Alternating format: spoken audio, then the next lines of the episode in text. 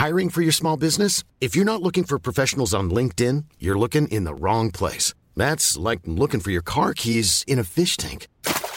LinkedIn helps you hire professionals you can't find anywhere else, even those who aren't actively searching for a new job but might be open to the perfect role. In a given month, over 70% of LinkedIn users don't even visit other leading job sites. So start looking in the right place. With LinkedIn, you can hire professionals like a professional. Post your free job on linkedin.com slash people today. I'm going to give the people what they want. Sensation, horror, shock. Send them out in the streets to tell their friends how wonderful it is to be scared to death. Välkommen till skräckfilmscirkeln och Season of the Sequels. Vi är fortfarande kvar i helvetet. Det är jag som heter Patrik och med mig har jag den helvetiskt ryslige men vänlige skräckfilmsvärden Fredrik. Har du fått någon eh, form av eh, solbränna än eller eldbränna i alla fall? Nej, men jag fick en helvetisk snuva i och med att jag legat dekad i influensan en hel månad. Nej, en hel månad, nu ska du få höra, en hel vecka.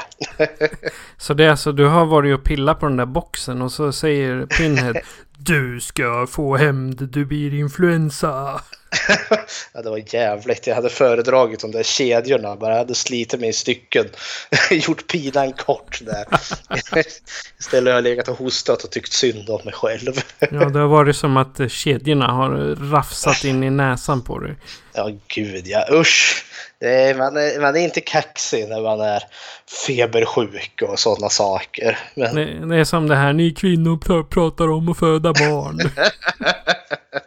ja, jo, men det är, så, man är så jäkla ynklig när man är förkyld som man. Hej hopp. ja. Ja, nu har, eftersom du har varit sjuk och jag har varit lite småledig så har vi ju säkert hunnit titta lite på saker de senaste två veckorna. Jajamensan, det är feberyrorna här. Ja, jag tänkte du får yra först. jag får yra först. Jo du, jag tog mig, jag, jag har sett lite skräck. Men jag, jag måste säga att jag eh, inte vet typ, jag, i feberyran där när jag hade typ 40 graders feber. Då fick jag för mig att det var länge sedan jag såg de här spion-action thriller-serien Born, alltså de här The Born Identity, The Born Supremacy och alla de där. Är det något du har sett? Oh ja. Även om de inte är så här jätteläskiga så är de ju fantastiskt spännande.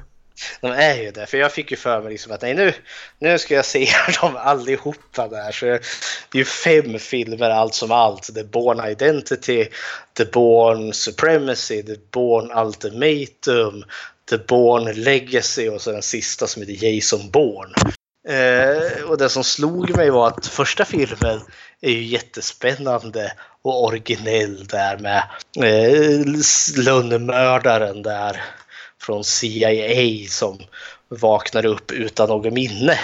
Och så liksom pusslar han ihop det och så får han eh, vad heter det, sin gamla arbetsgivare efter sig som vill mörda honom för att mörka att han finns. eh, och det var jättekul. Liksom. Han, han slogs mot andra lönnmördare där som var helt fantastiska på att ha ihjäl folk och han med nöd och näppe lyckas besegra dem. Och, och så hade du någon imponerande biljakt där mitt i alltihopa. Och eh, så närmare slutet så kom det någon twist där då när han konfronterade skurken och, och sen eh, lyckas han med nöd och näppe komma undan. Och det slog mig, jag gillar alla de här filmerna, men det slog mig när jag såg dem så här tätt in på varandra hur fantastiskt lika de var. För då hade du andra filmer, det var också så här, ah, han är ute och partypartajar med sin flickvän. Och sen kommer hans gamla arbetsgivare efter honom igen av någon jävla anledning. Eh, och så får du din fantastiska biljakt och så får du striden mot den här andra fantastiska lönnmördaren eh, så han med nöd och näppe klarar av det. Och så kommer det en twist närmare slutet när någonting avslöjats när han konfronterar skurken eh, och så lyckas han fly i slutet. Och så tredje filmen, eh, av någon jävla anledning är de ute efter honom igen. det blir fantastisk biljakt. Det kommer en lönnmördare seriemördare och han måste slåss mot honom. Ny jävla twist på slutet mot eh, uh, denna films skurk. och så lyckas han komma undan i slutet. Och så fjärde filmen som inte ens var med han. Uh, det var en spin-off då det finns en annan agent eh, där det uppenbarar sig, nej men nu ska de göra sig av med alla Eh, sina eh, agenter där. Och så får vi då en fantastisk biljakt och en strid mot en annan lönnmördare. Och så en fantastisk twist där på slutet när han konfronterar skurken och så lyckas han ta sig undan. Och så femte jävla filmen, exakt likadan. Ungefär där som känner liksom, det finns ett checkhäfte att gå efter. Ja, där hade vi bilstriden, eller biljakten. Där hade vi den fantastiska lönnmördarstriden. Och där kom det och där kom det. Jag känner liksom att oj, man kan ju beskylla typ skräckfilmer för att vara repetitiva men bevisligen kan liksom stora så Hollywood-producerade spionfilmer också vara det. Så. Ja men kolla hela Bond, eh, Bond-serien. Det är ju ja, det, det är samma där. Allting är, allting är likadant. Det är samma. Och så är det alltid en tjej med. Som han ska rädda. Men skillnaden och, mellan Born och, och eh, Bond. Ja, precis. Skillnaden mellan Born och Bond är ju att i Born så är han något yngre. Och, han är ju. Ja, och modernare.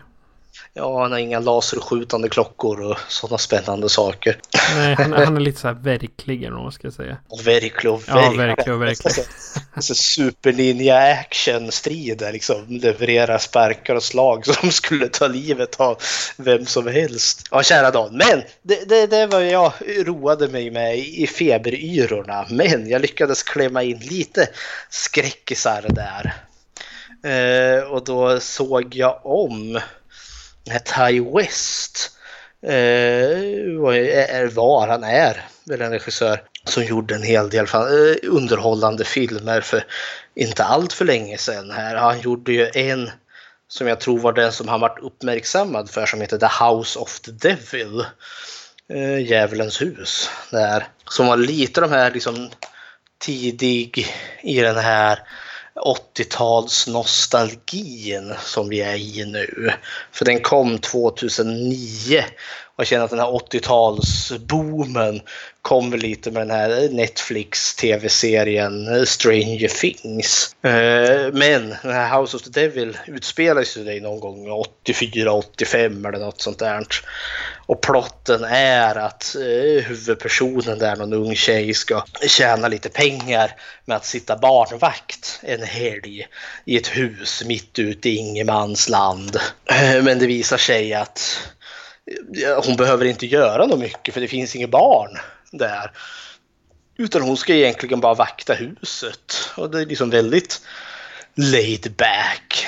Men sen Eh, men sen är det något som, någon som skrapar omkring och dunsar omkring uppe på vinden. Eh, det är, det är ju trots allt the house of the devil och det visar sig att det bor ju ett gäng djävulsdyrkande galningar där. Och hon, det är inte av en, det är, det är inte av en slump att hon är där. Hon är ju ditlockad för att bli deras tilltänkta offer eh, inför deras nästa djävulsdyrkande ritual. Och så blir det spänning och holabaloo där i huset. Eh, jag tyckte den var väldigt underhållande. Okej, okay, den har jag missat. Jag har missat det, men alltså man får ha tålamod med den här filmen för det var en riktig jäkla slow burn. Det var liksom så här, ja, för att liksom få fram den här hennes ja, tristess i det här tomma huset. Vad gör man i ett tomt hus 84? Mitt i natten. Ja, hon liksom tomtar runt och gör verkligen ingenting. Och jag kan förstå att folk kanske kan bli irriterade på det. Men jag tyckte liksom att ja, jo, men eh, det gav lite något. Och sen när väl den här satanistiska kulten kommer igång, då var det liksom oj, jösses Amalia. För det är liksom man har liksom inte fått några hints om hur pass våldsam den här ska vara. För du har liksom inga inledningsmord eller något sånt där. Men det kommer typ liksom 40 minuter in i filmen då första personen ryker då en av djävulsdyrkarna tar livet av en polis tror jag det är som är där ute och snokar och skjuter han i huvudet med sin revolver och hela huvudet bara plask. Det blir, som, det blir en fantastisk kaskad av blod och elände. Och de också säger hoppsan, var kom det där ifrån? Det, alltså, det är lite ovanligt för att vara en film ifrån 2009-2010 där. De brukar inte vara så där superblodiga. Nej, det, jag kan inte påstå att The House of the Devil var det, men när den väl blev blodig, då var den väldigt blodig. Den var liksom den, den censurerade inte utan den gick verkligen in. Nu är det köttigt och då är det jäklar med köttigt. Och det, ja, det är två tummar upp för mig i alla fall. Ja, jag tittade på jag... hon jo, jo, Jocelyn Donahue som har uh, huvudrollen där. Hon uh, var med i Insidious 2 och spelade den yngre Lorraine. Ah, Young Lorraine står hennes på rollen. Så. Coolt. Ja, hon har lite på sin lyra. Mm -hmm. Sen vart det en eh, Blast from the past. Eh, the Faculty. När gjordes den? Typ, jag tror den är gjord typ antingen 99 eller 2000 någon gång. Eh, det var så jag vet som kom. Eh, eller kanske gjord 98 rent utav. Mm, 98 är det se till där. Alltså den kom lite i den här eh, man talar ju om eh, 90-talet som var liksom skräckfilmens eh, ja, det, det, var liksom en slope där. Det gjordes verkligen inte bra skräckfilm på 90-talet. Fram tills och med 96 då Scream kom och satte liksom liv i genren igen. Eh, men då var det ju liksom slasher galore med ja, Scream och Halloween och jag vet vad du gjorde förra sommaren och Mördande Legender och hela konkarongen. Och The Faculty låter ju väldigt mycket, bara kollar man rakt upp och ner känns det ju som att det borde vara en slasher där också i och med att den utspelar sig på en, ja, på en high school eller vad det nu är. Eh, och sen börjar liksom eh, kidsen försvinna en efter en. Men det är ju inte en vansinnig mördare i den här filmen utan det är en utomjordisk invasion på gång. Eh, och den är fantastiskt underhållande. Jag kommer ihåg jag såg hur den när den kom. Så för min del är det ju väldigt mycket nostalgi. Men det är också lite roligt för du har en väldigt ung Elijah Wood med i den här som spelar huvudpersonen som får ta, eller jag som blir den här filmens final boy istället för en final girl som får ta striden mot den här utomjordingen som planerar att ta över alltihopa. Det är, i, i The Faculi säger du, är det Sik du pratar om då? Alltså kar karaktären? Uh, ingen aning. För jag tror inte att det är Elijah Wood, det är väl Josh Hartnett? Josh Hartnett är med, men Elijah Wood är också med. Jaså? Ja. Ah, jag, jag kollar på rollistan. Han stod ju väldigt långt ner. Jajamensan, men Josh Hartnett uh, han är väl typ second uh, huvudrollsperson där. Men det är ändå så Elijah Wood som är the final boy. Jajamensan. Han låg liksom på, på första sidan på IMDB. Det var sist i raden. Ja, ja, ja. Nej, men det, alltså... det är nästan lite fult.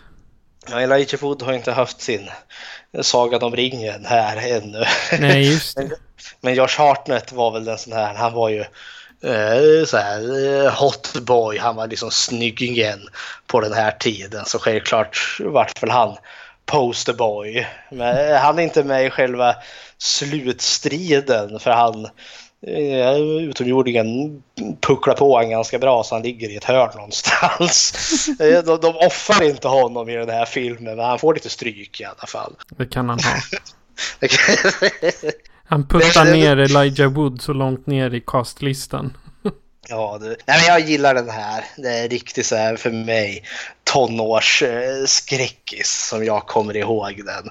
Då 90-talet vart bra igen. jag upptäckte att det var också Miramax som gav ut det här, vilket typ alla de Hellraiser-filmer vi nu har sett kommer ju också därifrån. Så det fanns en tid då Miramax inte bara gjorde billigt direkt till DVD-skräp. Spoiler alert för vad som komma skall. ja, det är vad jag har sett. I dina yror. I mina yror. ja, alltså jag, jag har tittat på onödigt lite känner jag. Jag har fortsatt med mitt Netflixande med Another Life. Som jag pratade om förra, förra gången. Och sen började jag titta på någon film som heter Spectral. Men sen har jag liksom, det har varit så pass fint väder att jag har inte haft tid att, att titta på tv. Det är tyvärr så. så Vad är du för en filmnörd egentligen? Ja, men bor man på landet och eh, har, eh, är ute och åker en del då, då blir det inte riktigt tid. Nej, det... Nej, jag har mest eh, jobbat med eh, den nya podden som jag startade.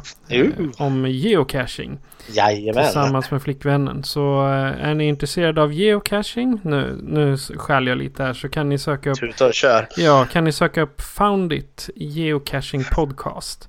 Mm. Vi har släppt ungefär fyra avsnitt redan. Och mm. det är vä väldigt spännande. Eh, ja, jag har lyssnat på några avsnitt och kan avslöja att jag var, jag var underhålld. Det var ja. så jag varit lite sugen att börja springa ut och leta burkar. leta plastburkar i naturen. Jajamensan. Ja. ja, men det är väldigt underhållande. Så att jag har liksom... Jag har varit lite konstnärlig eller vad man ska säga snarare. Ja, det, det, är inte bra det här. Du, får, du måste liksom nörda in dig. Du blir blek och fet här nu. och se en massa film, annars ryker nördkortet. Här. Ja, precis. Då består det bara producent, inte filmnörd. Okej, jag har sett lite och du har sett en del. Men mm. då ger vi oss av till den sjätte filmen i Hellraiser-serien, vilket är Hellseeker. Som också är den första av eh, filmerna i Rick Buta-trilogin. Mm. Och här kommer en eh, trailer. Welcome to the worst nightmare of all. Reality.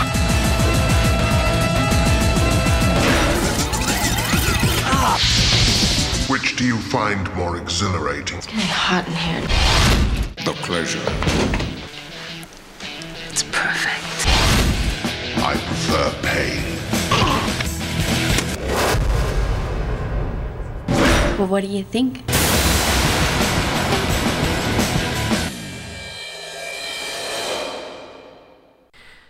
Trevor är ute på en biltur tillsammans med sin hustru Kirsty när bilen plötsligt får sladd och åker över ett broräcke ned i en flod. Trevor lyckas i sista stund ta sig upp till ytan, men Kirsty blir kvar instängd i bilen. Snart får han besök av polisen och då visar det sig att Kirstys kropp spårlöst försvunnit och Trevor står överst på listan över misstänkta. Det är plotten till eh, Hellraiser 6 eller Hellseeker. Så vad är dina tankar? Ja du, alltså det här var ju, jag kommer ihåg från förra filmen, Hellraiser Inferno, del nummer fem där. Det var en sån här som jag såg väldigt mycket fram emot och vart den första filmen jag importerade ifrån Amerika och uh, uh, tvungen att införskaffa mig en regionsfri uh, DVD-spelare och allt det där. Jag kommer ihåg att jag var ganska besviken på Inferno då eftersom att det var ganska lite Pinhead eh, och skilde sig så markant från filmerna som kom innan. Sen förstod jag ju liksom att de här, den filmen var egentligen inte ett riktigt Hellraiser-manus utan att det var en annan film som man krystade in Hellraiser på för att lyckas sälja den. Och det var ju samma här, märkligt nog. Men alltså en del av mig, jag kommer ihåg för de här kom ju väldigt tätt in på varandra, film 6, 7 och 8. Så det var ju liksom så nördigt kul. Liksom, oh, Hellraiser, Pinhead. Men ingen utav de här filmerna är ju som någon utav de fyra första. Så jag kommer ihåg att när jag såg de här när de kom första gången så var jag ganska gruvligt besviken på dem för det var så lite av det som jag tyckte var Hellraiser och Pinhead är ju med så enormt lite i de här filmerna. Och du har liksom inte mycket med den där kuben, du har inte de här kedjorna som sliter folk i stycken skurken. Och liksom, som jag kommer ihåg det när jag såg åtminstone Hellseeker första gången så var jag jättebesviken och satt där i mitt pojkrum och stampade med foten i backen och tyckte nej, vad är det här? Jag är så besviken. Nu när jag har sett om den så här långt senare, precis som med Inferno, så uppskattar jag den här filmen betydligt bättre. Det gör mig inte så mycket att eh, Pinhead och Cenobitesen och lådan inte är med så mycket för det finns en faktiskt ganska bra story här ändå. Och framförallt så, det... så har vi Ashley Lawrence tillbaka. Ja, som Kirsty.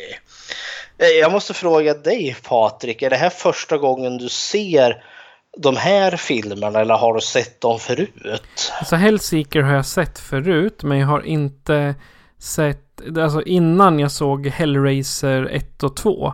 Mm. Så jag, jag fattar ju inte att, jag, jag trodde ju då Pinhead att han var verklig.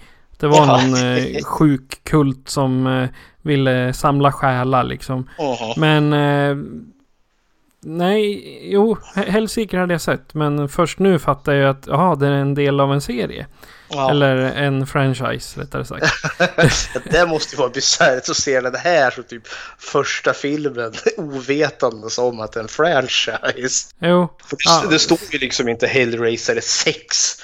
Nej. Utan det står ju verkligen bara Hellraiser Hellseeker så det skulle ju kunna vara din standalone film Ja, och den, alltså den filmen jag såg då hette den bara Hellseeker.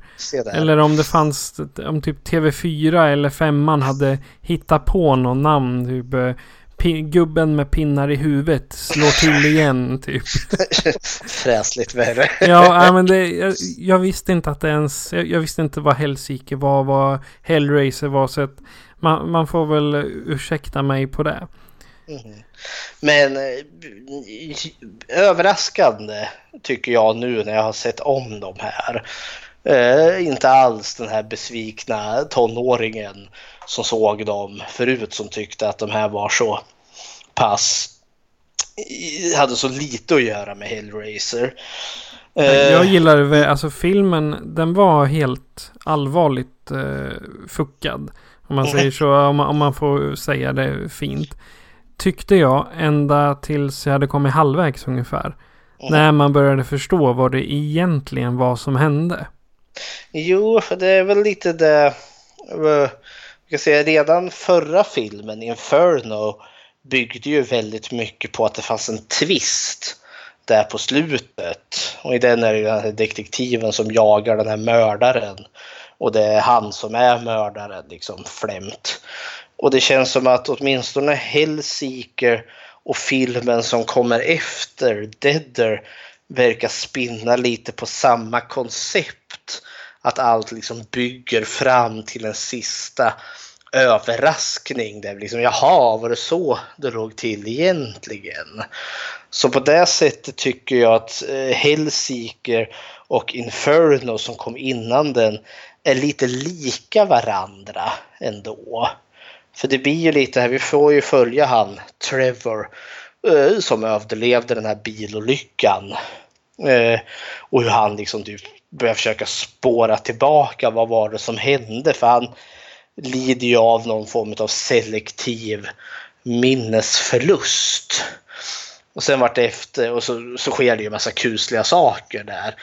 Uh, och jag tänker att det var väl lite kul för en själv som publik också. Att jag liksom får lägga ett pussel själv. Vad är det egentligen som har hänt? Men eh, för min del, det kanske var samma för dig också, för du sa halvvägs börjar du känna liksom att aha. För det kände väl också så halvvägs in i filmen att liksom ja nu har han börjat listat ut vad egentligen det är som kanske som har hänt att den här Trevor som vi får följa som verkar liksom bli utsatt för det här massa otäcka. Att det kanske inte egentligen är han som är offret utan det är han som är skurken istället. Och mycket riktigt, spoiler alert, så är det ju. Men jag vet inte. Eh, det, det fanns mycket i den här som jag uppskattade ändå. Jag uppskattade att de hade tagit tillbaka Kirsty För det tyckte jag var kul. Alltså det var en enorm vinst. Och eftersom det skiljer några år mellan eh, just eh, eh, Hellseeker och den, den sista Hellraiser hon är med i. Det är väl tredje om jag inte har helt fel. Nej, hon är, hon är med i första och andra. Ja, hon är med i en liten cameo i trean. Ja, Är hon ju. Men hon, har ju, hon är ju inte med mer än kanske typ 20 sekunder. ja, ja okej. Ja, men säg i tvåan då. För hon, hon Ja. har ju blivit betydligt äldre. Om Ja, man säger. Och det, det är nog därför, alltså det är därför jag tycker det var så bra att de plockade in henne. För det Mm. har hon liksom lämnat den här händelsen i huset som gick åt helsike, Frank och mhm. allt det där. Hon har lämnat det bakom sig och försöker nu komma tillbaka. Och så Ja. hennes då eh, helsjuke make kommer bara Hej, jag har en present till dig. Här får du en kub. ja. ja men det är ju det, det, är det som är twisten där närmare slutet. Att det är han som är någon jäkla... Mm, eh, för han har väl låtit sig förföras eh, utav det här, eh, den här boxen, element configuration. Eh, och det är väl, oh, jag hade velat, för den här filmen är, jag, jag gillar den samtidigt som jag inte gillar den. Eh, för den har potential eh, till någonting mer än vad den faktiskt lyckas leverera. Jag hade gärna velat veta mer om han Trevor. Är det som så att han, för han är ändå så gift med Kirsty. Är det som så att han har varit fascinerad utav den här boxen och allt det här med, med helvetet, Leviathan, Pinhead, Cenobites, hela konkarongen. Är det därför han har gift sig med Kirsty, liksom att han har svurm, svärmat för henne, liksom snärjt henne? För lite tycker jag den här filmen ger skenet av ungefär som att han Nej, har han tröttnat på det här äktenskapet. Hur fan ska jag komma ur det? Oh, jag kanske kan få lite pengar med ta ut en livförsäkring på henne. Ja, jag hittar den här boxen. Vi kanske kan mörda henne med boxen. Och Gan, ga, ganska lagom långsökt så här. aningen. Som det mesta Eh, annat i de här ja. eh, filmerna som kommer efter Hellraiser 2. ja, och just den biten tyckte jag var lite så här, äh, tramsigt. Men hade de kört kanske mer på det här liksom att han har varit besatt och sen liksom lurat stackars Kirsty liksom verkligen har spelat the long game med att liksom eh, försöka liksom komma åt den här boxen och sen liksom får liksom, när, när han ger den till henne liksom, och hon liksom öppnar den och så kan han få se Cenobitesen att, att det hade varit hans mål. Det hade jag köpt bättre för det här liksom den onde äkte mannen som ska få med en massa pengar genom ett arv. Nah, det kändes lite sådär. Men ja, den här filmen hade mycket ändå. Och samtidigt är den här, tycker jag, kanske den eh, mildaste när det kommer till rent groteska och blodiga saker som händer i filmen. Den är ganska tam i jämförelse med de andra filmerna. Den är ganska blodfattig rent utav. Tyckte jag i alla fall. Jag reagerade på det. Så det här är ändå en Hellraiser-film. Som liksom är kända för liksom krokar som liksom penetrerar kött och liksom slits från skrikande människor. Och liksom, ja, du vet liksom blod och äh, ångest och smärta. Så tycker jag den här är väldigt äh, lugn, väldigt laid back överlag. Den må vara lugn men eh, det här med kedjor och plask och eh, trasiga hjärnor och allt sånt. Det, det kommer man inte undan så jättelätt. Nej, det finns ju, men det, det var så lite av det. Det var inte... Mm, jag hade förväntat mig mer. Kedjorna kom ju där på slutet, eh, med, när, Trevor åker på i slutändan där. men ja, det, det, den var lite för snäll. Faktiskt. Det låter hemskt att säga en Hellraiser-film som är för snäll, men jag tyckte den var för snäll helt enkelt. Alltså det, jag gillade också att eh, hela tiden, det, det var, den var ju väldigt lik Inferno, att man hela tiden trodde det var han som var mördaren. Men Mm. just det här, nu ska vi säga på en gång att vi kommer spoila en av de mest avgörande grejerna i den här filmen. Och det är att eh, det här i, det är ju mot slutet när man får se en flashback till eh. Kirsty. Att eh, Pinhead eh, låter henne leva eller lämnar henne på jorden mot att hon skaffar honom fem själar. Jajamensan, hon går ju en deal med honom. Precis, så basically är det hon som mördar alla och säger varsågod Pinhead, nu får du en själ. Varsågod Jo. Pinhead, nu får du en själ till. Och så, ja, var det bra så? Nej, jag vill ha en till. Okej, varsågod, här får du en till. Ja, vi, är vi överens nu? Ja tack, du slipper helvetet. ja men det, det, det är ju precis och det är det som är den stora twisten. Och att eh, han Trevor har varit död hela tiden. Den här bilen, eh, den här bilolyckan som är i början eh, har ju uppstått genom att Kirsty skjuter honom i huvudet med en revolver. Det är därför han åker ner från eh, bron ner i floden. För, eh, för det, ja, vi får väl backa bandet lite. Eh, för det, det är ju det som är som jag tyckte var lite kul med den här också. Att den här stackars Trevor, det är inte synd om honom egentligen, men just innan vi vet att det är han som är the big bad, även att han har förlorat eh, minnet, blir plötsligt liksom approachad utav olika kvinnor där som liksom bara mm, jag vill ha sex med dig och han liksom vem är du? och sen, ja, Och sen visar- ibland bara, ja gärna. och Det visar ju sig att det här är ju typ, han har ju haft tre älskarinnor. Eh, och sen är det ju väl hans kollega på jobbet eh, som eh, har varit med och planerat mordet på Kirsty tillsammans med Trevor då för att komma åt hennes pengar. Eh, och det här har väl Kirsty på något vis och vänster listat ut. Så det är därför den här dealen de går med, med, pin, med Pin- Pinhead.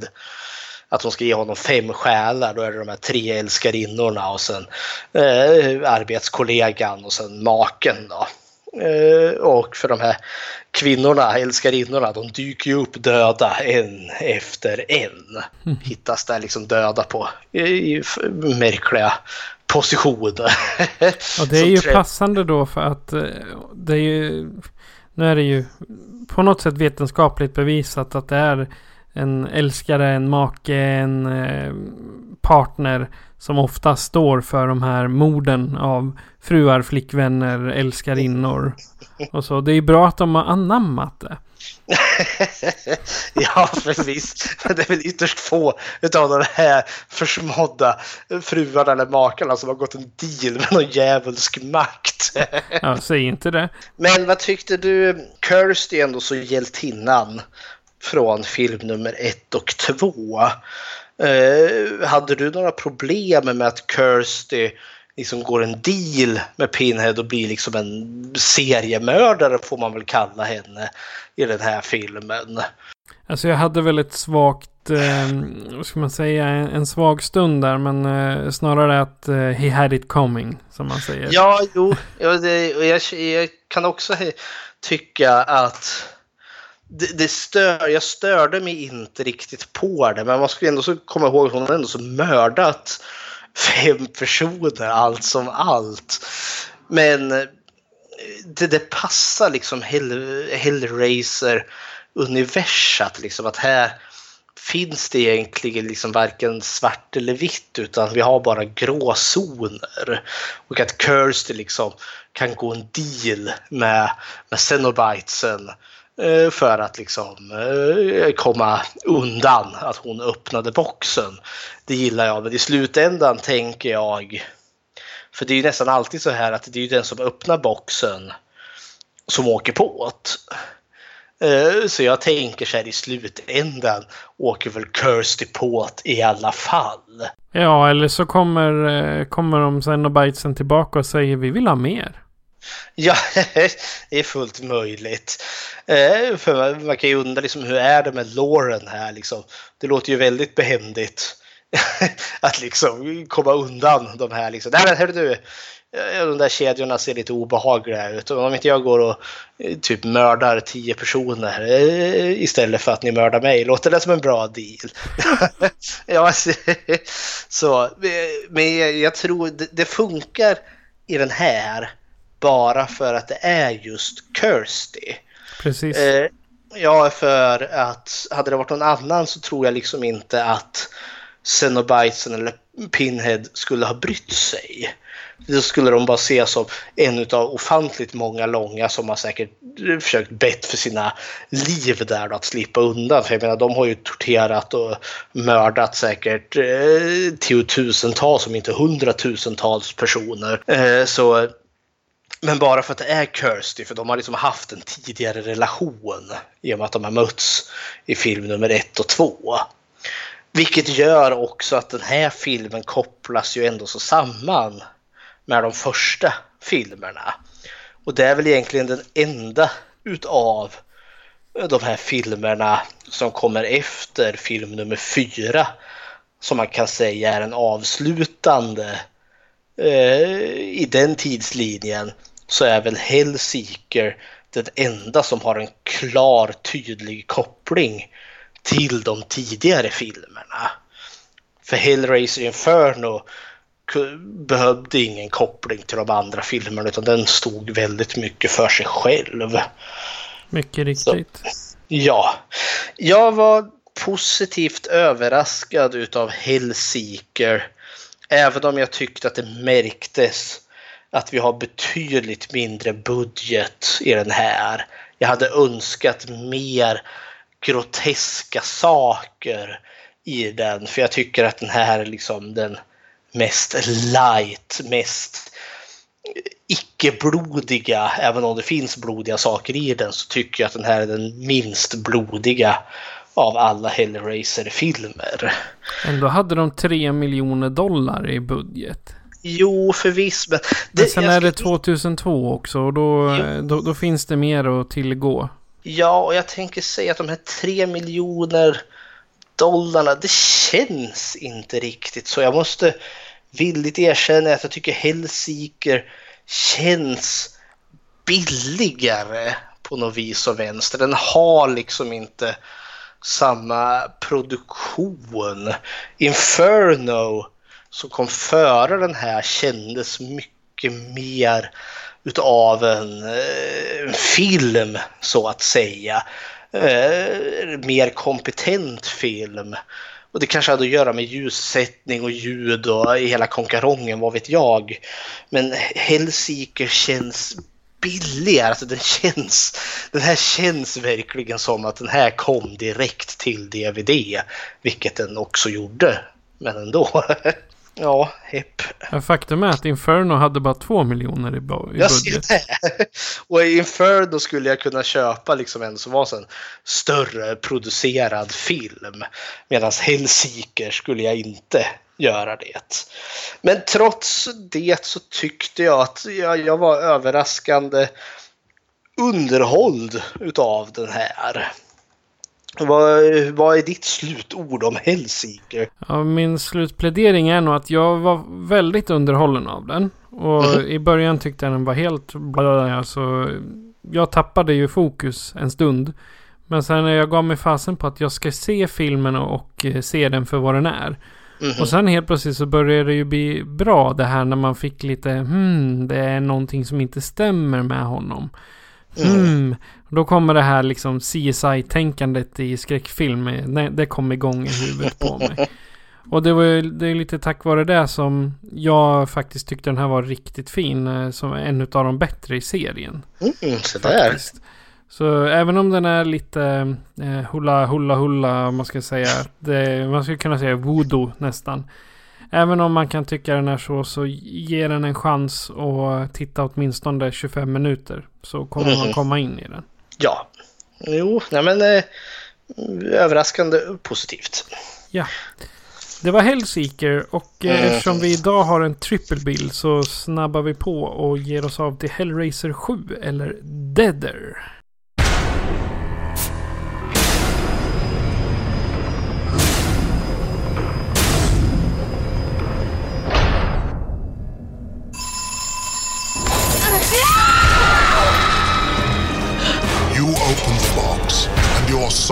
Belongs to me.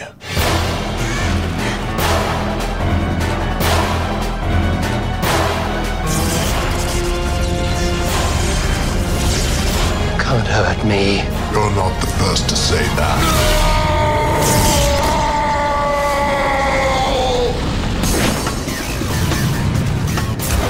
I'm going to a real life secret hell world party. Welcome, Hellraisers. Invitations. But if you need anything, just scream.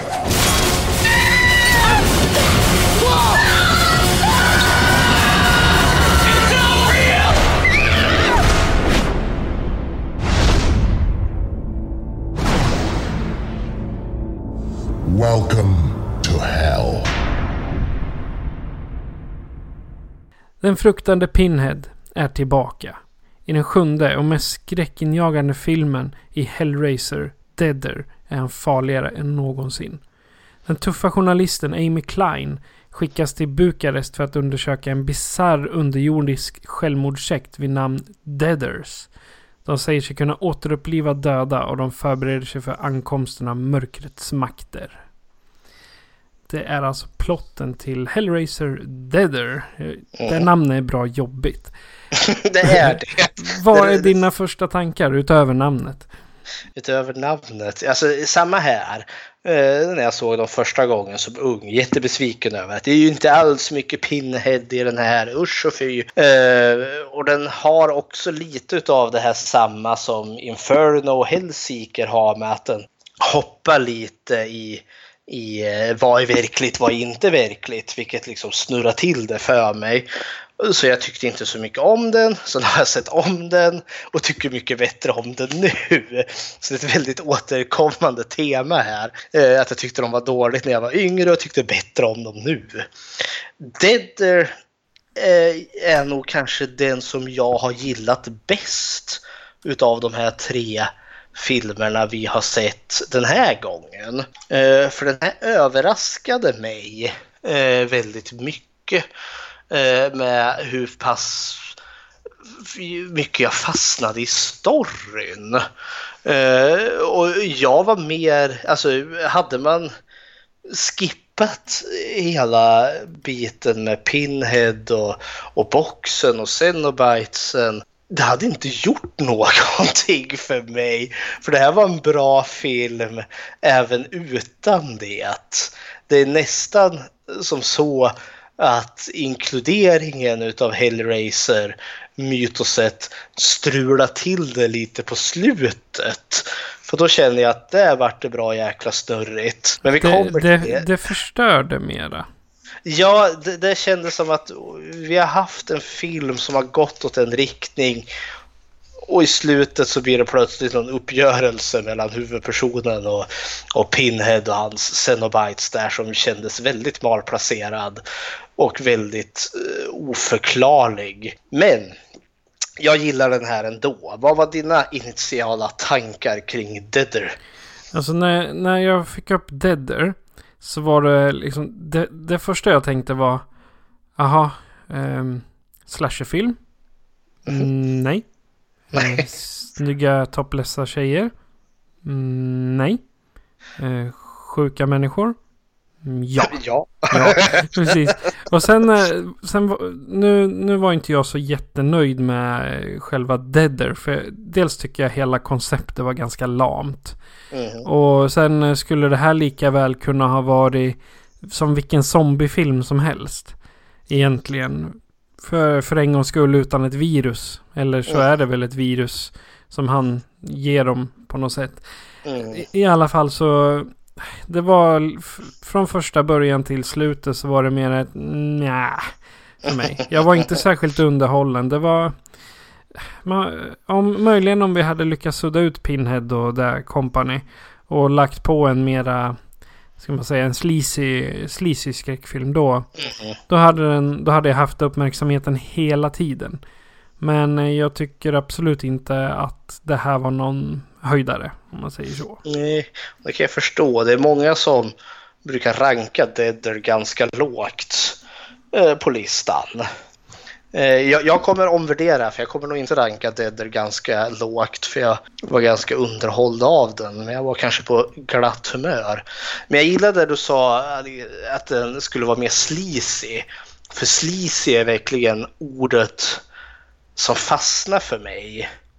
För jag tycker eh, de andra Hellraiser-filmerna, framförallt de tidiga, åtminstone de två första, tycker jag har liksom en ton utav något form av mänskligt mörker. För det är väl lite där det känns som att hela Hellraiser cirkulerar kring människans typ inre kamp mot sina laster, mot sina lustar och se ja, liksom det mörker som kan liksom föra oss på avvägar så pass långt att du hittar boxen och öppnar den och så går det som det går. Deader känner jag, för det, alltså, den börjar ju med att vi får träffa hon huvudpersonen, hon journalisten där, Amy Klein, eh, på någon sån drogkvart. Det ligger verkligen folk överallt och håller väl på att vakna liksom eh, med sprutor i armarna och liksom det är riktigt så här, eh, papper som är liksom uppklistrade på, på fönstren. Alltså liksom det blir så gulaktigt ljus som lyser in och liksom det är smutsigt. Det är sunkigt. Liksom det är äckligt. Och man förstår liksom att eh, till en början så liksom tänkte jag att hon bara en av alla pundarna. Men så förstod man att nej, hon är en journalist. Men så pass hardcore så här, undersökande journalist så att hon har liksom setat där och knarkat tillsammans med knarkarna för att liksom få en inblick hur är det att vara missbrukare antar jag.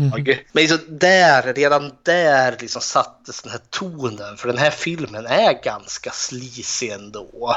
För, Ja. sen, åker, för, för sen är det ju där, hon kommer ju till, hon blir, blir ju tillkallad till sin chef som har då fått något eh, kassettband skickat till sig. Eh, där vi, liksom filmens plott kommer igång. Det är, liksom, det är något amatörband där man får se en kvinna då som blir eh, med någon grupp andra människor och så finns det någon kultledare där då som heter Winter. Eh, och hon eh, skjuter sig själv. Eh, och eh, när hon väl är död så liksom gör han någonting och liksom sätter sina läppar mot hennes läppar och sen boom kommer hon tillbaka till liv igen. Eh, och det är där hon ska åka till, vad är det, Bukarest i Rumänien Ja. för att undersöka detta. Eh, den tanken tilltalade mig lite. Eller ganska mycket ändå, för jag tyckte liksom det var liksom en intressant grund liksom att spinna en story på liksom och sen att hon ska ner till Bukarest där och undersöka saker och ting. Men jag måste återvända till den här amatörkassetten som de sitter och tittar på på hennes chefskontor. Hur jag liksom, ja, the, the suspense of disbelief. Alltså, det här är någon i kulten som har filmat med en kamera som de har på axeln antar jag. Det är där man försöker sälja in. Men det funkar ju inte.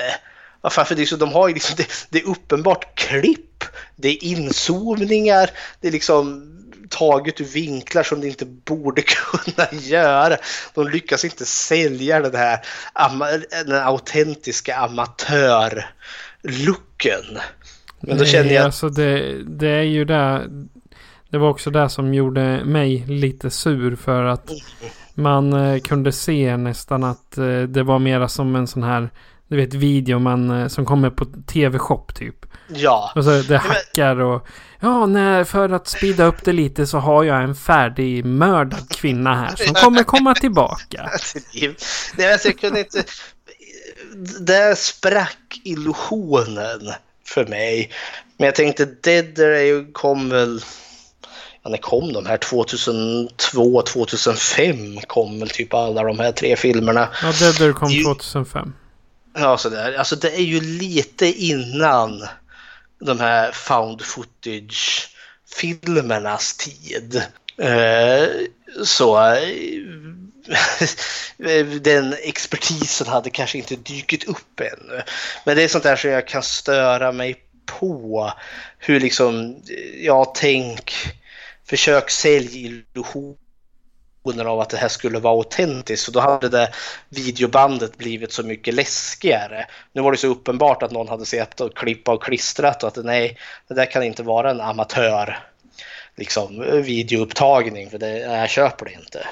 Nej, och, de, och dessutom så är det ju VHS-kamera de har använt. Ja, Och det är ju inte bara att klippa och klistra när man använder VHS-band. Du behöver ju Ja. rätt, alltså, rätt avancerad utrustning för det ändå. Det är inte Visst. bara att plugga in det i din Macbook och starta eh, iMovie och liksom bara dra lite pluppar och ta gratis musik från internet. Och det, så funkar det ju inte när det är VHS. Nej. Visst, eh, om man skulle liksom försöka vara så stenkallt logiskt här. Visst, de kan ju ha, se att de har en utrustning eh, någonstans och att de har klippt och klistrat ihop det här i efterhand och sen skickat till det här journalistbolaget. Eh, men eh, jag köper inte det för man får inte se någon form av helbild där man ser hela gruppen. Och det finns inga andra kameramän eller kvinnor, inga andra personer som håller i några kameror. Det är det som stör mig just att vi får olika vinklar. Vi har liksom ett handlingsflöde som liksom går igenom där från att den här kvinnan blir liksom övertalad av han eh, Vinter, till och med att hon tar den här pistolen och stoppar den mot tinningen och skjuter sig. Så kommer det sådana såna vinklar så att det, liksom, det är inte möjligt, det är så uppenbart klippt. och där känner jag liksom är att ah, det här är för amatörmässigt när det inte kan sälja in att det här är en amatörfilm. För att amatörfilmen har för många professionella vinklar till sig. Ja, det var väl lite synd. Det var där som tog bort en hel del utav upplevelsen för mig. Mhm. Men eh, ja, det här är bara en bit utav det hela. För sen sticker hon ju ändå så iväg till eh, det här eh, ja, Bukarest och eh, börjar undersöka. Och jag tyckte det kom en ganska otäck scen som hade potential att vara väldigt otäck.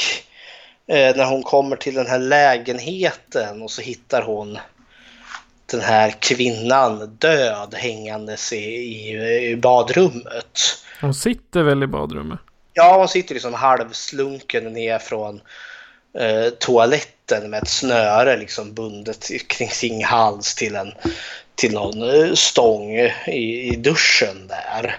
Eh, och det tyckte jag var lite obehagligt för jag, jag fick liksom, då kunde jag liksom leva in mig lite i hennes, liksom, jag är journalist och jag kommer in i ett rum för jag, ska, jag är ett skop på spåren och så hittar jag ett lik. Jag känner att det, det, som det är rätt och riktigt att göra är att kontakta polis här. Men hon väljer att inte göra det. Och just bara att liket bara sitter där och är ett lik.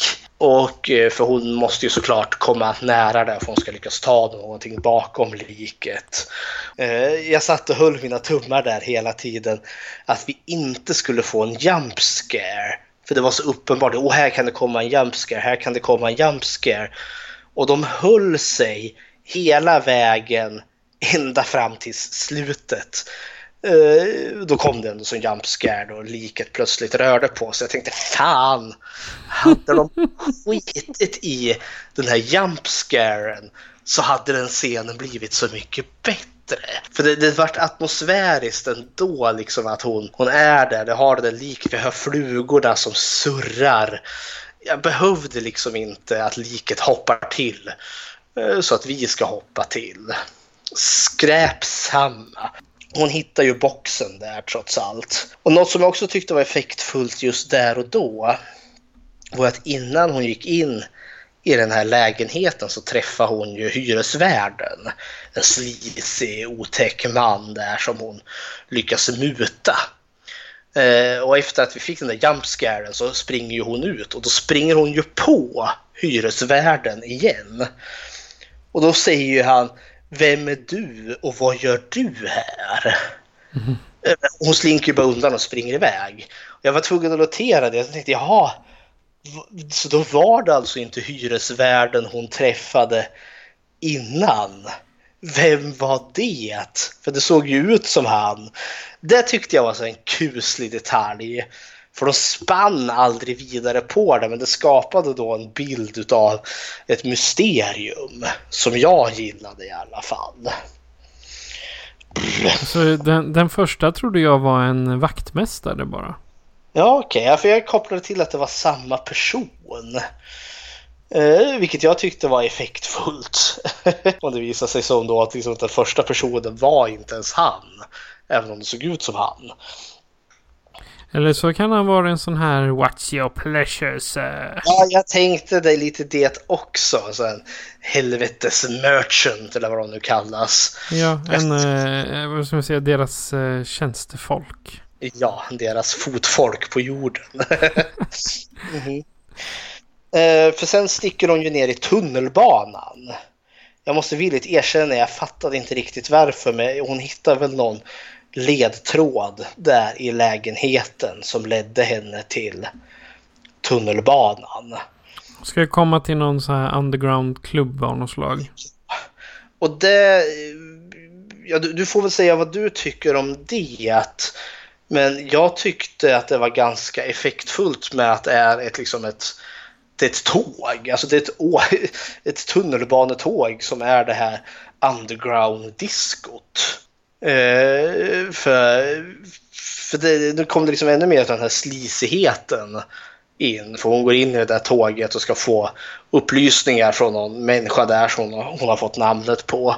Som visar sig är typ klubbägaren. Eh, och där är den här liksom tågvagnen fullt med typ folk som dansar i kedjor och det är naket. Och det, och det slog mig att det är både män och kvinnor som är nakna och typ folk verkar ligga med allt och alla.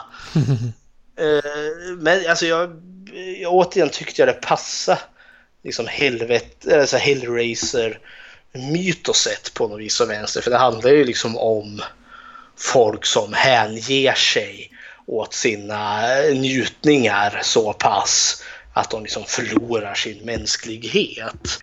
Eh, och det kändes väldigt passande. Det hörde liksom hemma här på något vis och vänster. Ja, helt jag, klart.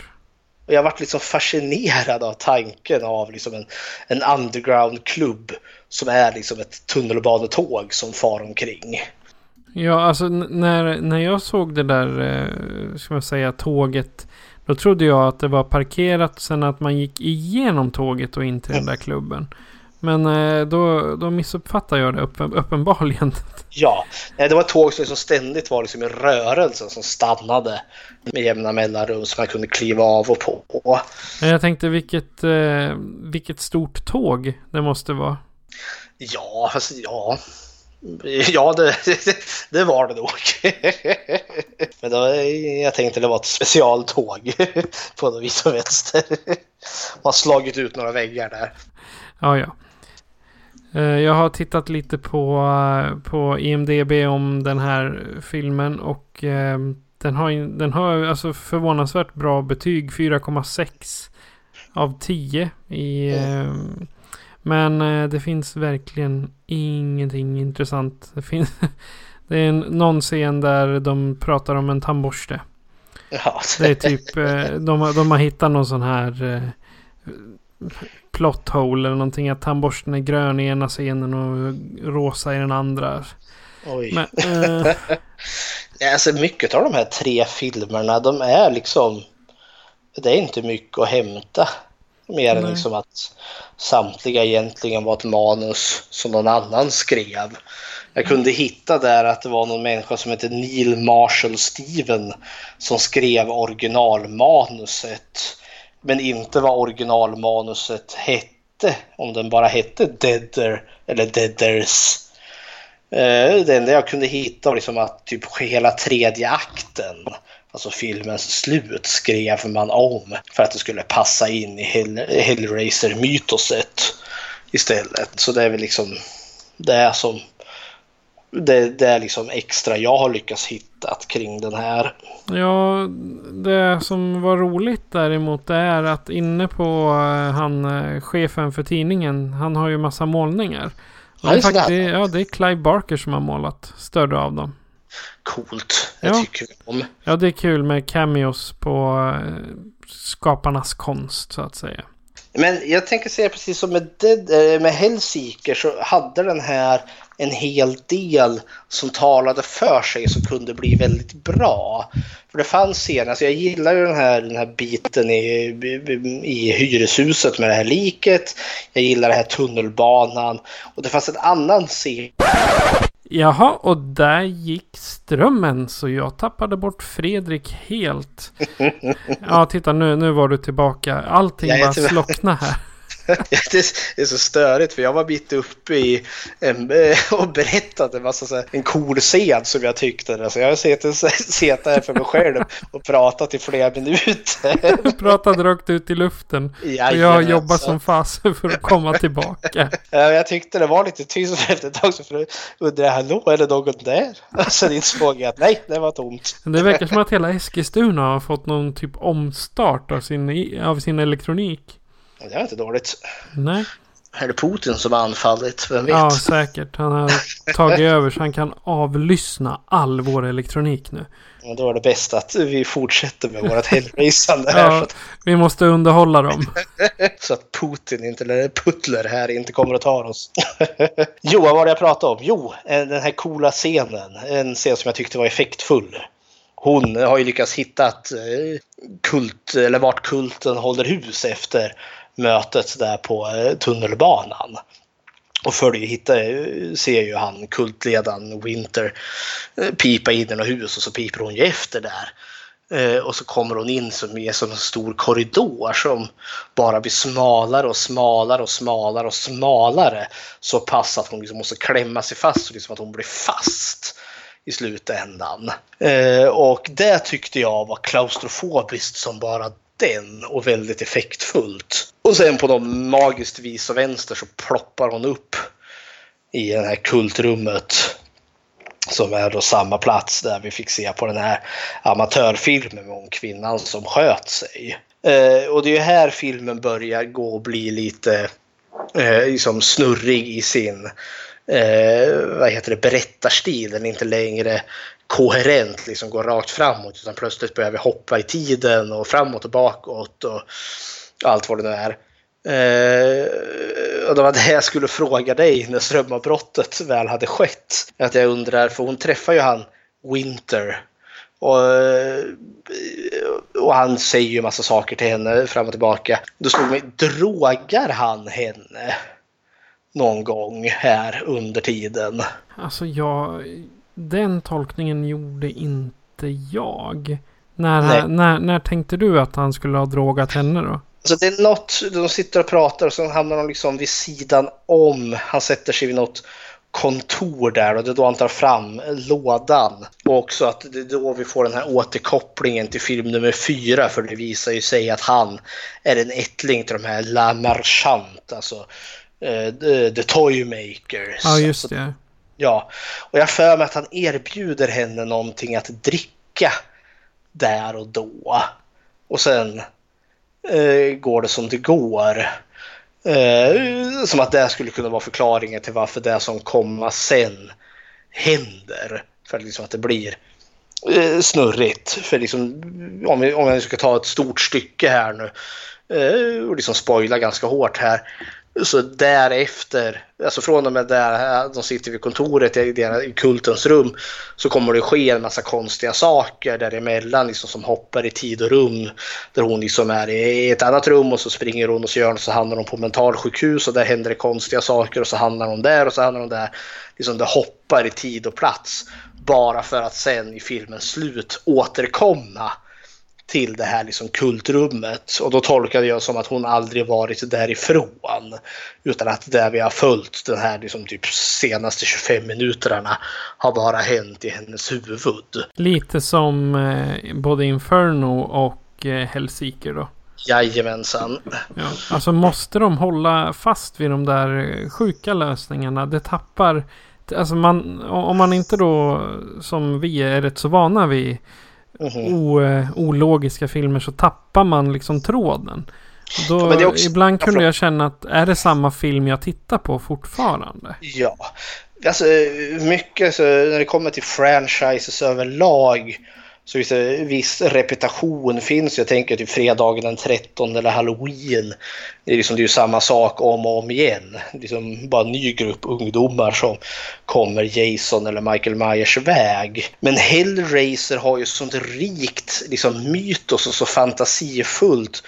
Så jag, jag känner nog som du gör här att liksom, det här är tredje filmen där vi har liksom typ samma koncept. Liksom, vad är verkligt, vad är inte verkligt?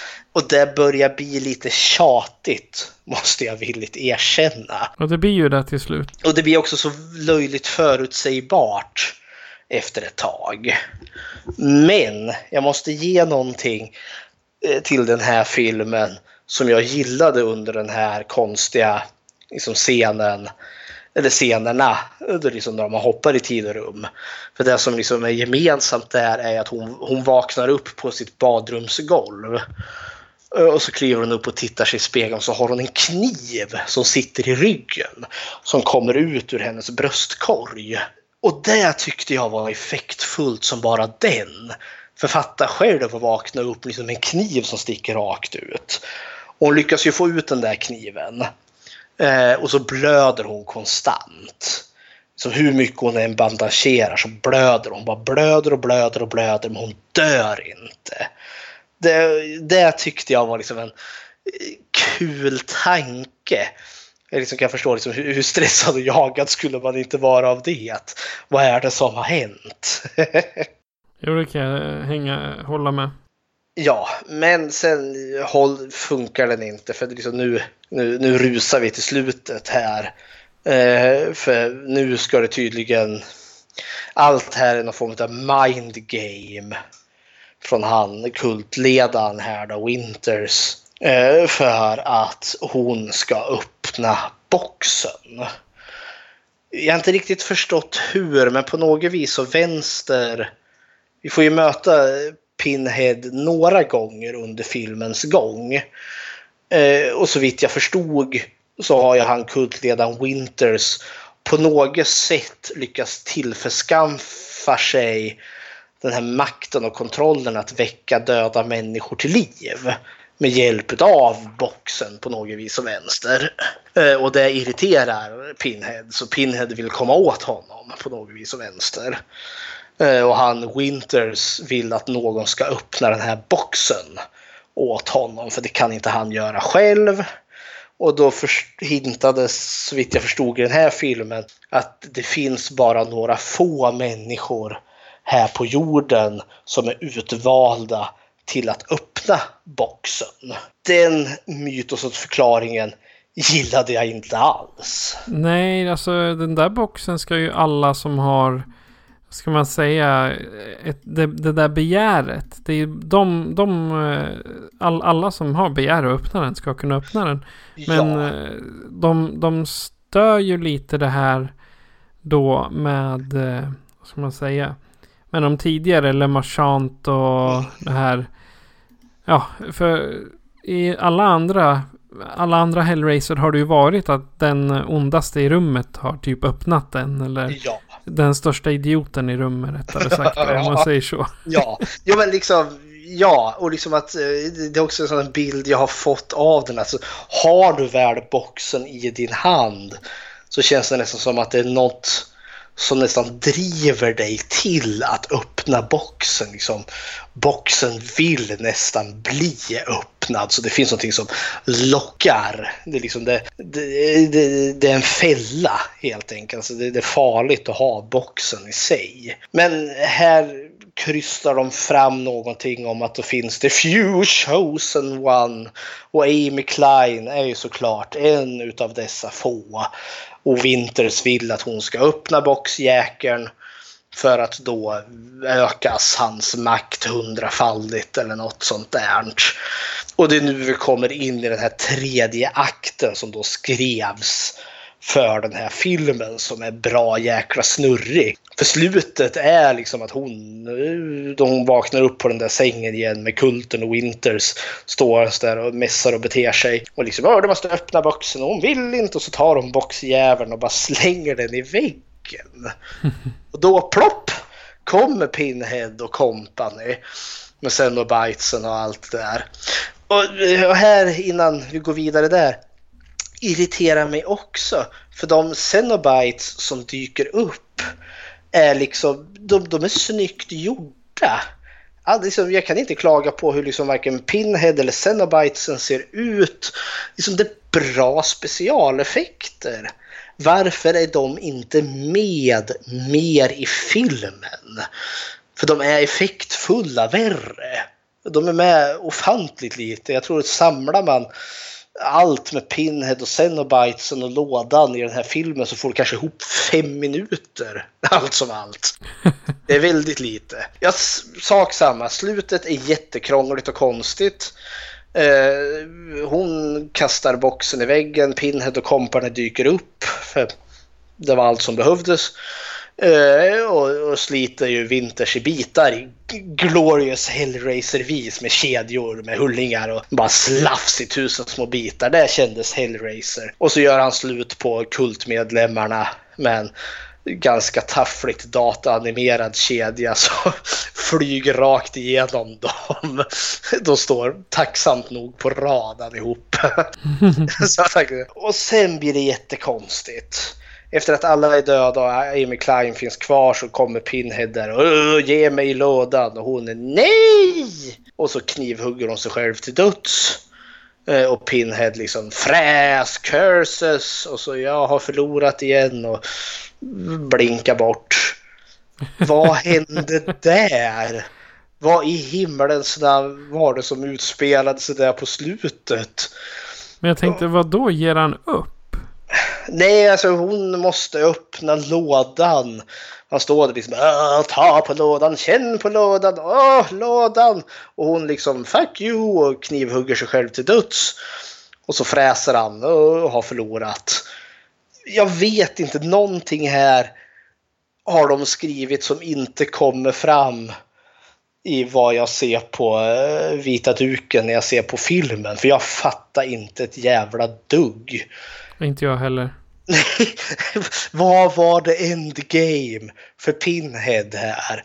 Jag förstod tidigare att han ville komma åt Winters för att han på något vis och vänster har lyckats tillförskaffa sig makt som han nyttjar från helvetet. Då. Och det gillar inte Pinhead och Xenobitesen, det köper jag. Eh, men efter att Winters och kulten är döda vad är det här sista? Oh, ta lådan, öppna den, eh, jag behöver det. Hello! Och så knivar hon sig själv till döds. Det gillar jag. Jag gillar att alla dog, att hon gick under där. Men jag fattar liksom inte, för det är verkligen när hon tar livet av sig där. Så står ju verkligen Pinhead där liksom och skriker No! Och så liksom blinkar de bort ungefär som att de blev besegrade. Och jag fattar ingenting. ingenting fattade jag där. Och där känner jag att ja, nej, det här är bara slarvigt manusförfattande. Sak samma. Trots ett larvigt slut så blir mitt slutord till Deader att jag, det här är nog den jag gillade bäst av de här tre. Om, vad är ditt slutord till Deader? det, det, är ungefär, alltså det är väldigt länge sedan en film har lämnat, lämnat mig så opåverkad. Mm -hmm. Det har verkligen varit så här bara, ja, och. Okej, okay, nu, nu fyller vi på kaffekoppen och tar fram nästa. Det var, ja. ja men det, det, var, det var typ så jag gjorde. För de, de tre filmerna vi pratade om idag, de plöjde jag på en och samma dag. Ja, hej hopp. Ja, jag har haft något dags mellanrum, måste jag Ja, precis. Men, men just mellan eh, Deader och Hellworld som eh, kommer sen. Det är liksom, alltså jag har aldrig varit med om hur opåverkad jag var utav eh, Hell, eh, Deader. Aldrig. Det är, så att det är två tummar och två tår ner för mig. Superflopp. ja, precis. Jag, jag, kan köpa det. Alltså jag kan, för jag kom in i stämningen ganska direkt när jag såg den här filmen. Och jag tänker att, för det är väldigt mycket vad den här går på. Att den har den här sunkiga, slisiga stämningen.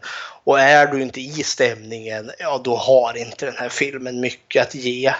Man ska väl ha lite alkohol och kanske vara lite piggare än... Ja, sitta vid halv elva på kvällen och titta på Ja, det, det är förstås. Men samtidigt, ingen av de här tre filmerna är egentligen någon film jag skulle rekommendera till någon. Mer än typ den som liksom jag känner att jag måste. eh, Jag är en completionist. Jag måste avsluta detta. Så det, det här är dussinfilmer allihopa egentligen. Men eh, ja, det var det det. Ja, det var Deader. Och eh, vi har inget mer att säga om den så att vi eh, spelar här en trailer för Hellraiser 8 eller Hellworld. I'm going to a real life secret hell world. Hellraisers, let's play! Welcome, Hellraisers. Invitations. That's what I'm talking about. I wouldn't touch that. Is it just a game now? Chelsea!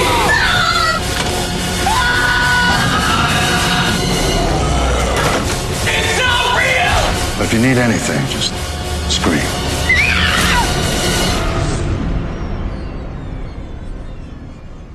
Welcome to hell. Mardrömmen är tillbaka. En grupp dataspelsentusiaster blir besatta av ett nytt spel som baseras på Hellraiser-mytologin. De får en inbjudan från hemsidan Hellworld och deras nyfikenhet för det förbjudna lockar dem till en fest på ett kusligt och avlägset slott. När de kommer fram blir cybervärlden till verklighet. Ja. alltså när jag läser det här eh, i början då tänker jag nästan House on the Haunted Hill. Med Ja, det Pinhead. Ja, det, det är inte helt uh, orimlig jämförelse faktiskt. och det är ju lite nästan eh, ja, vad det är.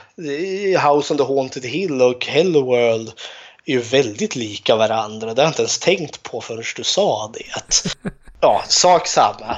Eh, det här är ju då den avslutande i Rick Bota-trilogin. Eh, Och jag kommer ihåg när den här kom. Att jag var, dels var jag så besviken på eh, Hellseeker och Deader. Så den här hade jag enormt låga förväntningar och när pitchen var liksom eh, Hellraiser eh, Ghost Internet så kände jag liksom ah. För det är ju liksom taglinen till är ju den här Evil Goes Online. Så vi har haft, liksom, vi har haft eh, Hellraiser in space. Så har vi nu Hellraiser in the internet. och, igår- och så förra, förra filmen då. Hellraiser on drugs. ja. ja, kära värld. Men som tonåring kommer jag ihåg att jag gillar den här lite bättre. Eh, nu tycker jag verkligen eh, det här, den här är den mest slentrianmässiga av dem. Och den här är den som mest känns som en slasherfilm. Det känns liksom som att det här skulle liksom, ja men det är ett gäng tonåringar som kommer till ett hus. Sen dör de en efter en efter en. Och det är liksom inte heller de här typiska Hellraiser-morden med kedjorna och liksom folk som torteras långsamt till döds. Utan det är verkligen, en är ju verkligen riktig slasherfilmsmord.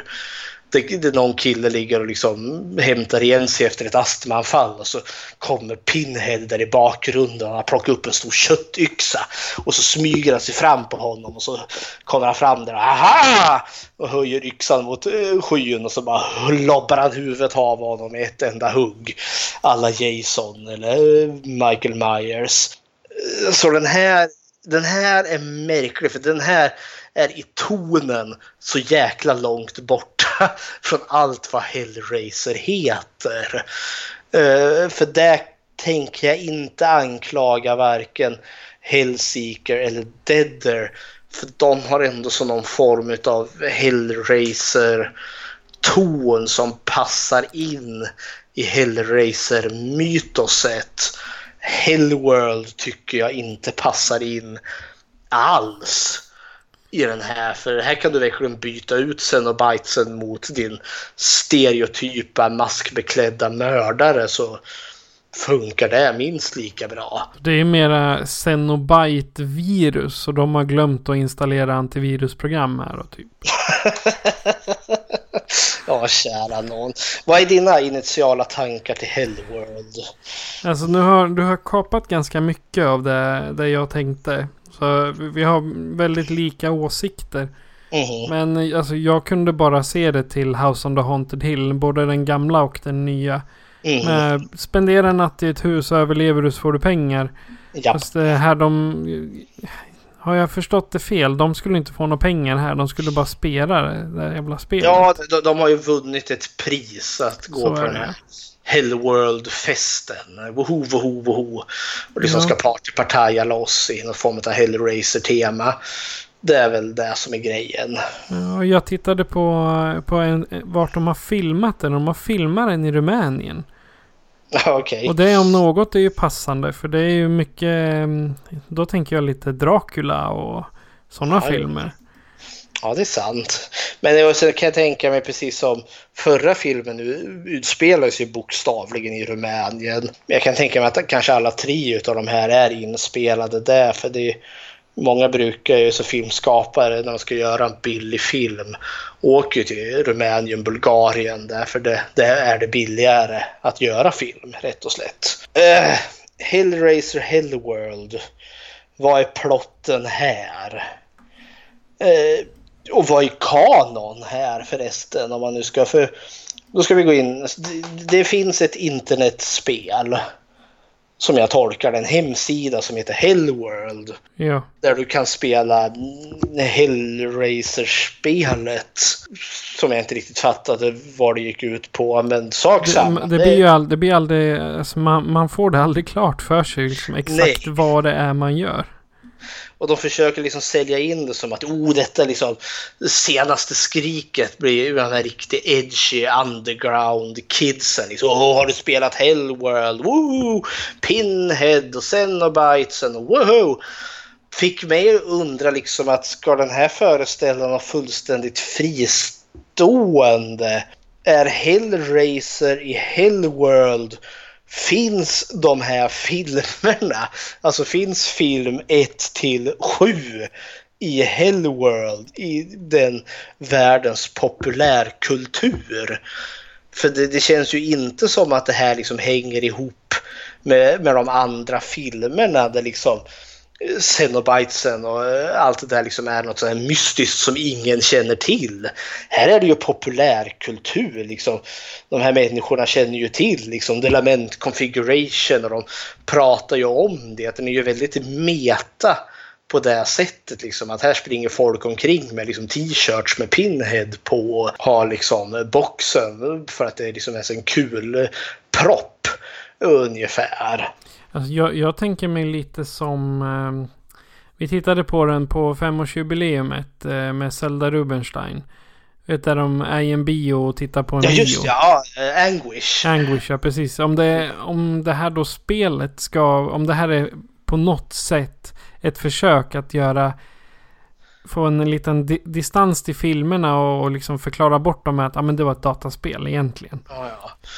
Ja, så tolkar jag också, för det här känns liksom som att det här borde vara helt och hållet fristående från eh, de andra filmerna. För liksom att, det, det är ungefär som, jag ska ta ett, ett annat exempel. När jag växte upp då har jag läst väldigt mycket serietidningen Fantomen. Eh, har du läst Fantomen? Till och från till från. Ja, men, handlingen där det är ju Fantomen och han bor i Dödskallegrottan där i, i något djungelland som jag nu inte kommer ihåg. Bengalien tror jag Jo, det heter. Bengal, Bengali, tror jag det heter. Bengali. Och så bekämpar han ju brott lite här och var. Och så kom det ett äventyr som jag kommer ihåg som var väldigt märkligt. För plotten i den handlade om att det fanns en pojke som hade Fantomen som sin stora idol. Och det var kanske inte konstigt att säga, men det som var konstigt var att han satt och läste Fantomen serietidningar. Och då ställde liksom frågan, alltså, finns det alltså Fantomen-serietidningar i Fantomens egna universum? Det borde vara väldigt opraktiskt eftersom att den här dödskallegrottan finns på hemlig ort. Men har vi en serietidning där det står liksom, ja du går in bakom det här vattenfallet i Bengalien där så kommer du till de viskande träden där och Fantomens eh, berg där och så kommer du till dödskallegrotta. Det känns som en designflaw. Ja, visserligen, men jag menar vi har ju här i Eskilstuna för oss 80-talister så har vi faktiskt haft Fantomen på Parken Zoo väldigt länge. Ja. Det har haft. Fantomenland, det var awesome. Och men ingen, det, ingen vet vem man är nu och så har de sparkat ut den. Ja, Nej, men det är det jag tänker eh, är liksom... Det, det, funkar liksom inte i sin egen värld. Liksom, alltså, i, i den tidningen så är liksom Fantomen en fiktiv person. Men det visar sig att han är en riktig person också. Och det är lite sådana vibbar jag får med Hellraiser Hellworld. Att Hellraiser det är en fiktiv populärkulturgrej. Men så råkar det visa sig att det är på riktigt också. Och ja, så jag tolkar det här som att det här är som en spin-off-film som inte ska kanonmässigt hänga ihop med någon annan film. Nej, alltså originalmanuskriptet hette Dark Can't Breathe. Som ja. inte har någonting med Hellraiser att göra. Plus att de filmade den här samtidigt som de filmade Deader. Ja, jag läste det också. De filmas liksom back to back. Mm. Men vad är plotten i den här filmen då? Alltså finns det ens en? För jag minns knappt plotten. Yes. jo då, det finns en plott i den här. Det, det, börjar ju med en begravning. För det är ett gäng vänner där då, som begraver en eh, kille där då som har då tagit sitt liv, förstår vi, efter att intensivt ha spelat just Hellworld-spelet. Och de är lite ledsna för det och sen något år senare så får de den här inbjudan till den här Hellworld-festen. Och så kommer de ju till den här platsen som eh, det här slottet där festen står. Eh, och så träffar de eh, då Lance Henriksen som är då värden eh, till den här Hellworld-festen. Eh, och så blir det eh, droger och sprit och sex och hula baloo. Jag gillar hans namn, The Host. The Host. Han är ju typ sig själv då. Ja, men eh, och sen börjar de ju dö. E, ena efter den andra. Då, då Pinhead plötsligt dyker upp och eh, mördar dem en efter en. Och det sker liksom konstigheter och spökligheter och allt vad det nu är eh, alla slasherfilm. Eh, och eh, så är det också så här, det är en twist. Nu, nu har vi, skippar vi, ja, men vi, vi spoilar ju hårt när vi kör de här. Men twisten är ju att ingenting har hänt. De ligger ju egentligen, alla de här tre, alla de här fem personerna är det väl, är ju ditlurade eftersom att han, huvudpersonen, eller Eh, the Host, Lance Henriksen. Det visar sig att det är ju fadern till den här, så, eh, till den här killen som tog livet av sig i början och han hyser hämndkänslor gentemot eh, de här övriga eh, som han anser det är deras fel att han började spela eh, Hellworld-spelet. Och eh, egentligen så har ju han lurat dit dem. Det har aldrig funnits någon fest de är alla drogade och så har han begravt dem levandes. Så allt vi har sett är deras eh, drogtripp från början till slut. Ända tills de dör. Ända tills de dör. Eh, så det var aldrig Pinhead där som mördade dem ena efter den andra utan det var egentligen deras egna fantasier eh, som gjorde det åt dem. Eh, så hepp hepp. jag kollar på Henry Cavill som spelar Mike. Han, eh, han lämnade skräck efter att ha spelat in Hellworld. Och gick direkt till att spela in Tristan och Isolde. Jaha, så där. Lagom, eh, ska man säga, nyanser mot varandra. Mm, se där. den här filmen är märklig för mig.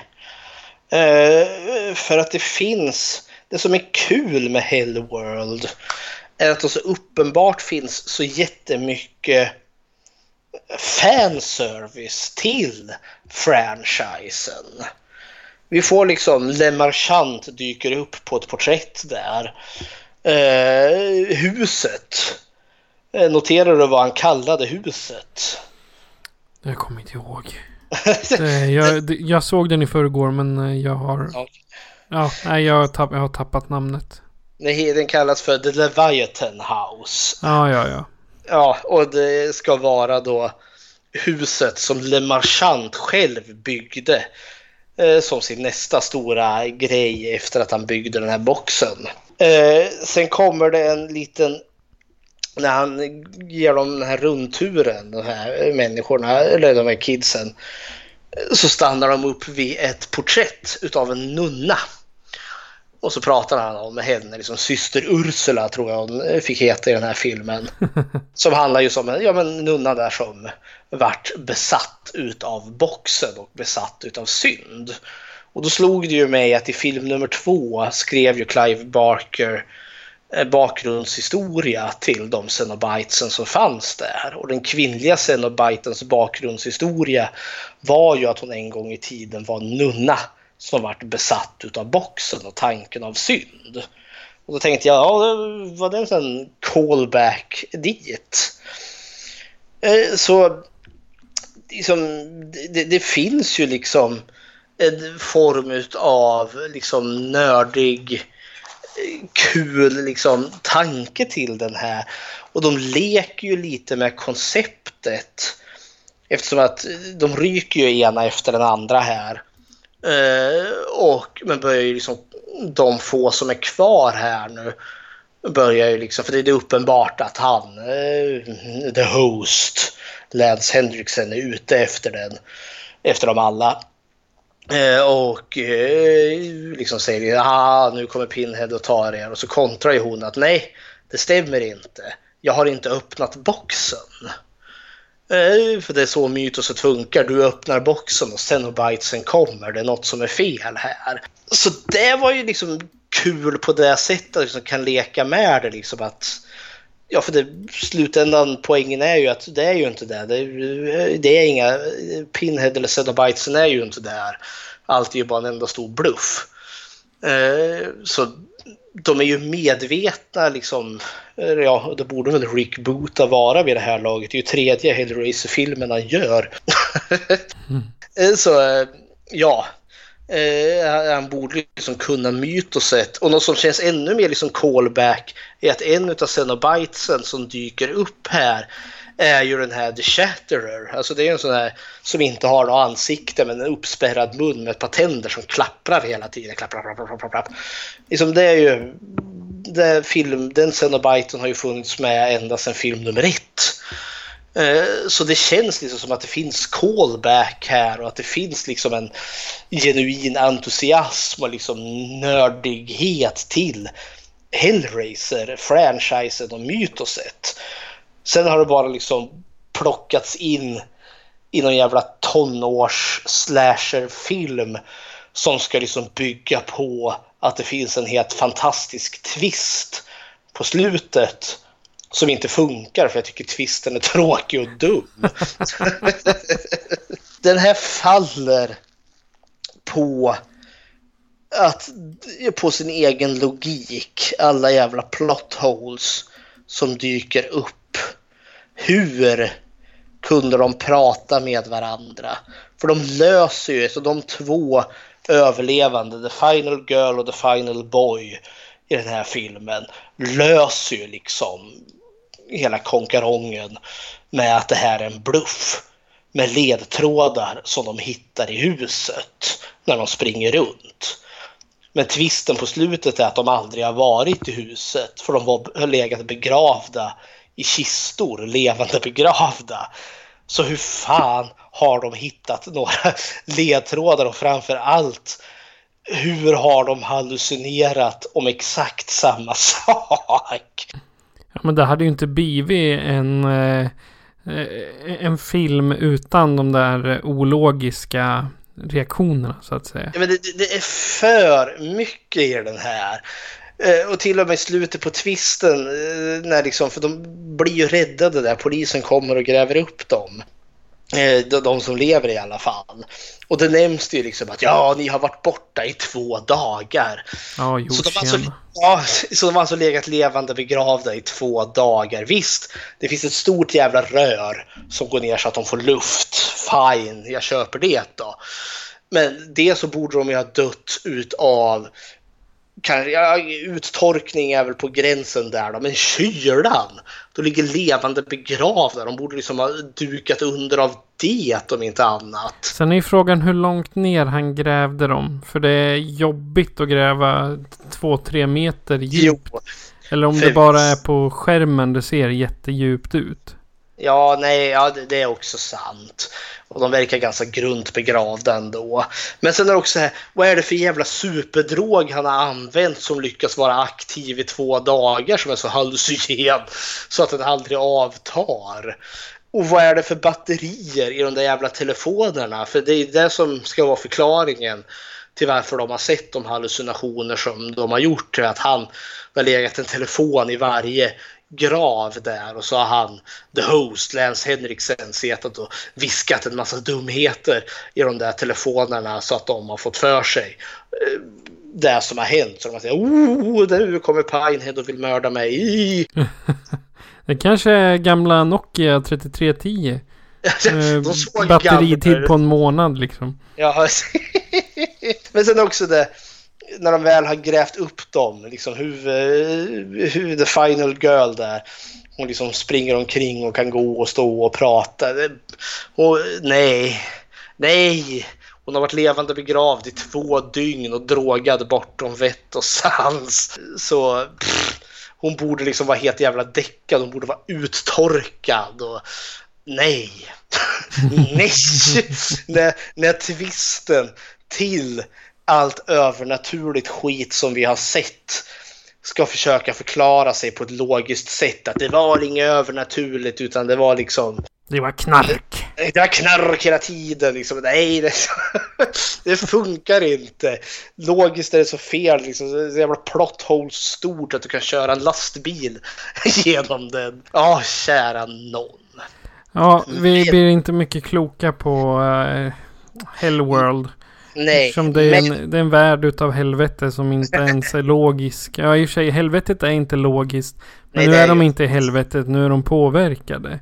Ja, men han kommer ju till slut på riktigt, Pinhead och company. För han, The Host, öppnar ju boxfan där på slutet. Och så kommer de ju och sliter han i stycken. Eh, och det känns också så jobbigt för det här är Dog Bradleys sista roll än så länge.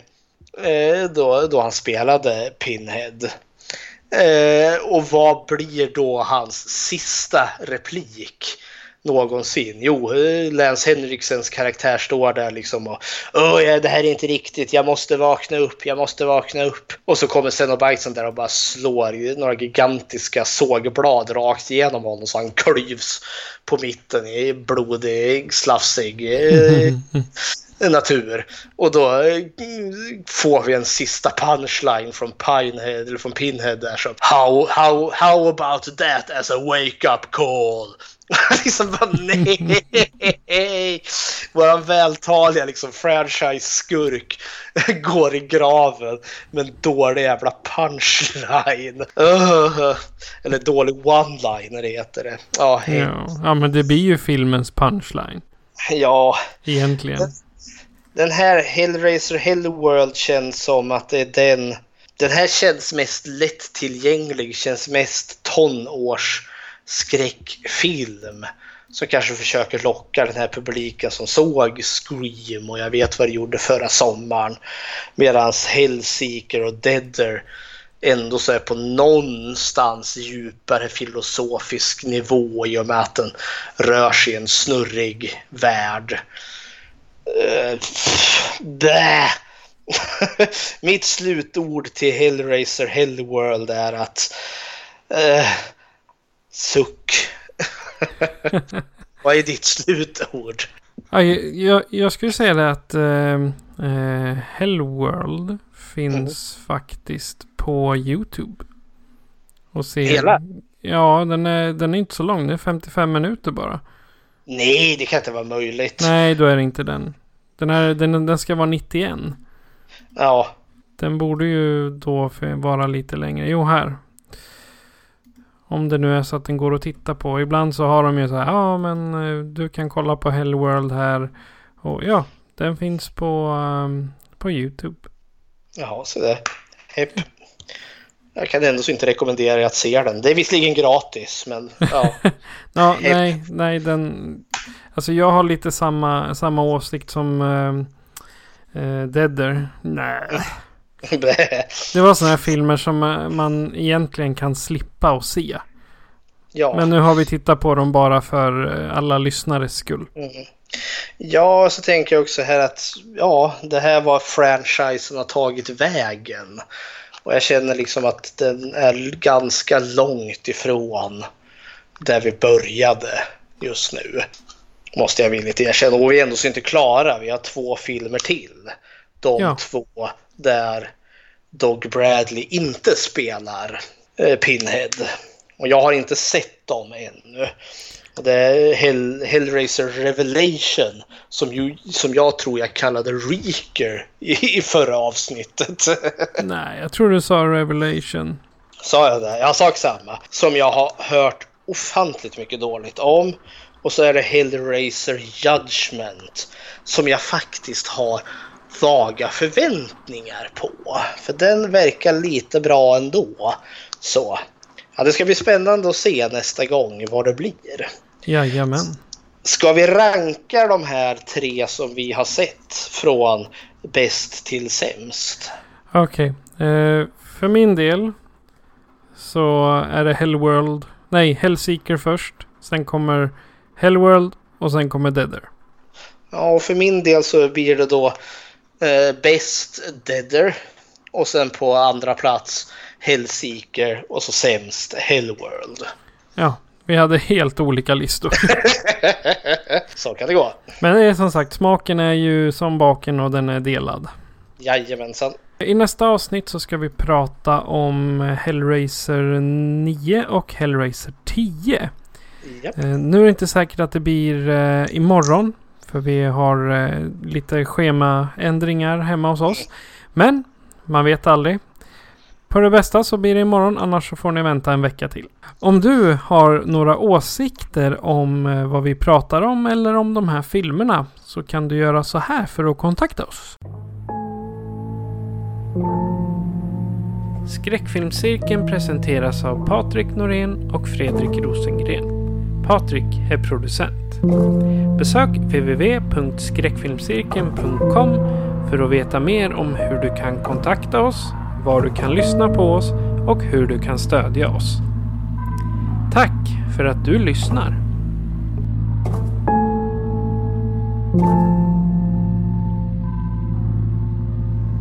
Okej Fredrik, vi eh, blir kvar i helvetet så eh, ses vi igen. eh, Ja, vi blir kvar i helvetet ett avsnitt till. Sen kanske Mhm. vi får stiga mot himlen. Härliga tider. Yes, jag heter Patrik. Och jag heter Fredrik. Du har lyssnat på Skräckfilmscirkeln med Season of the Sequels. Farväl. Adjöken.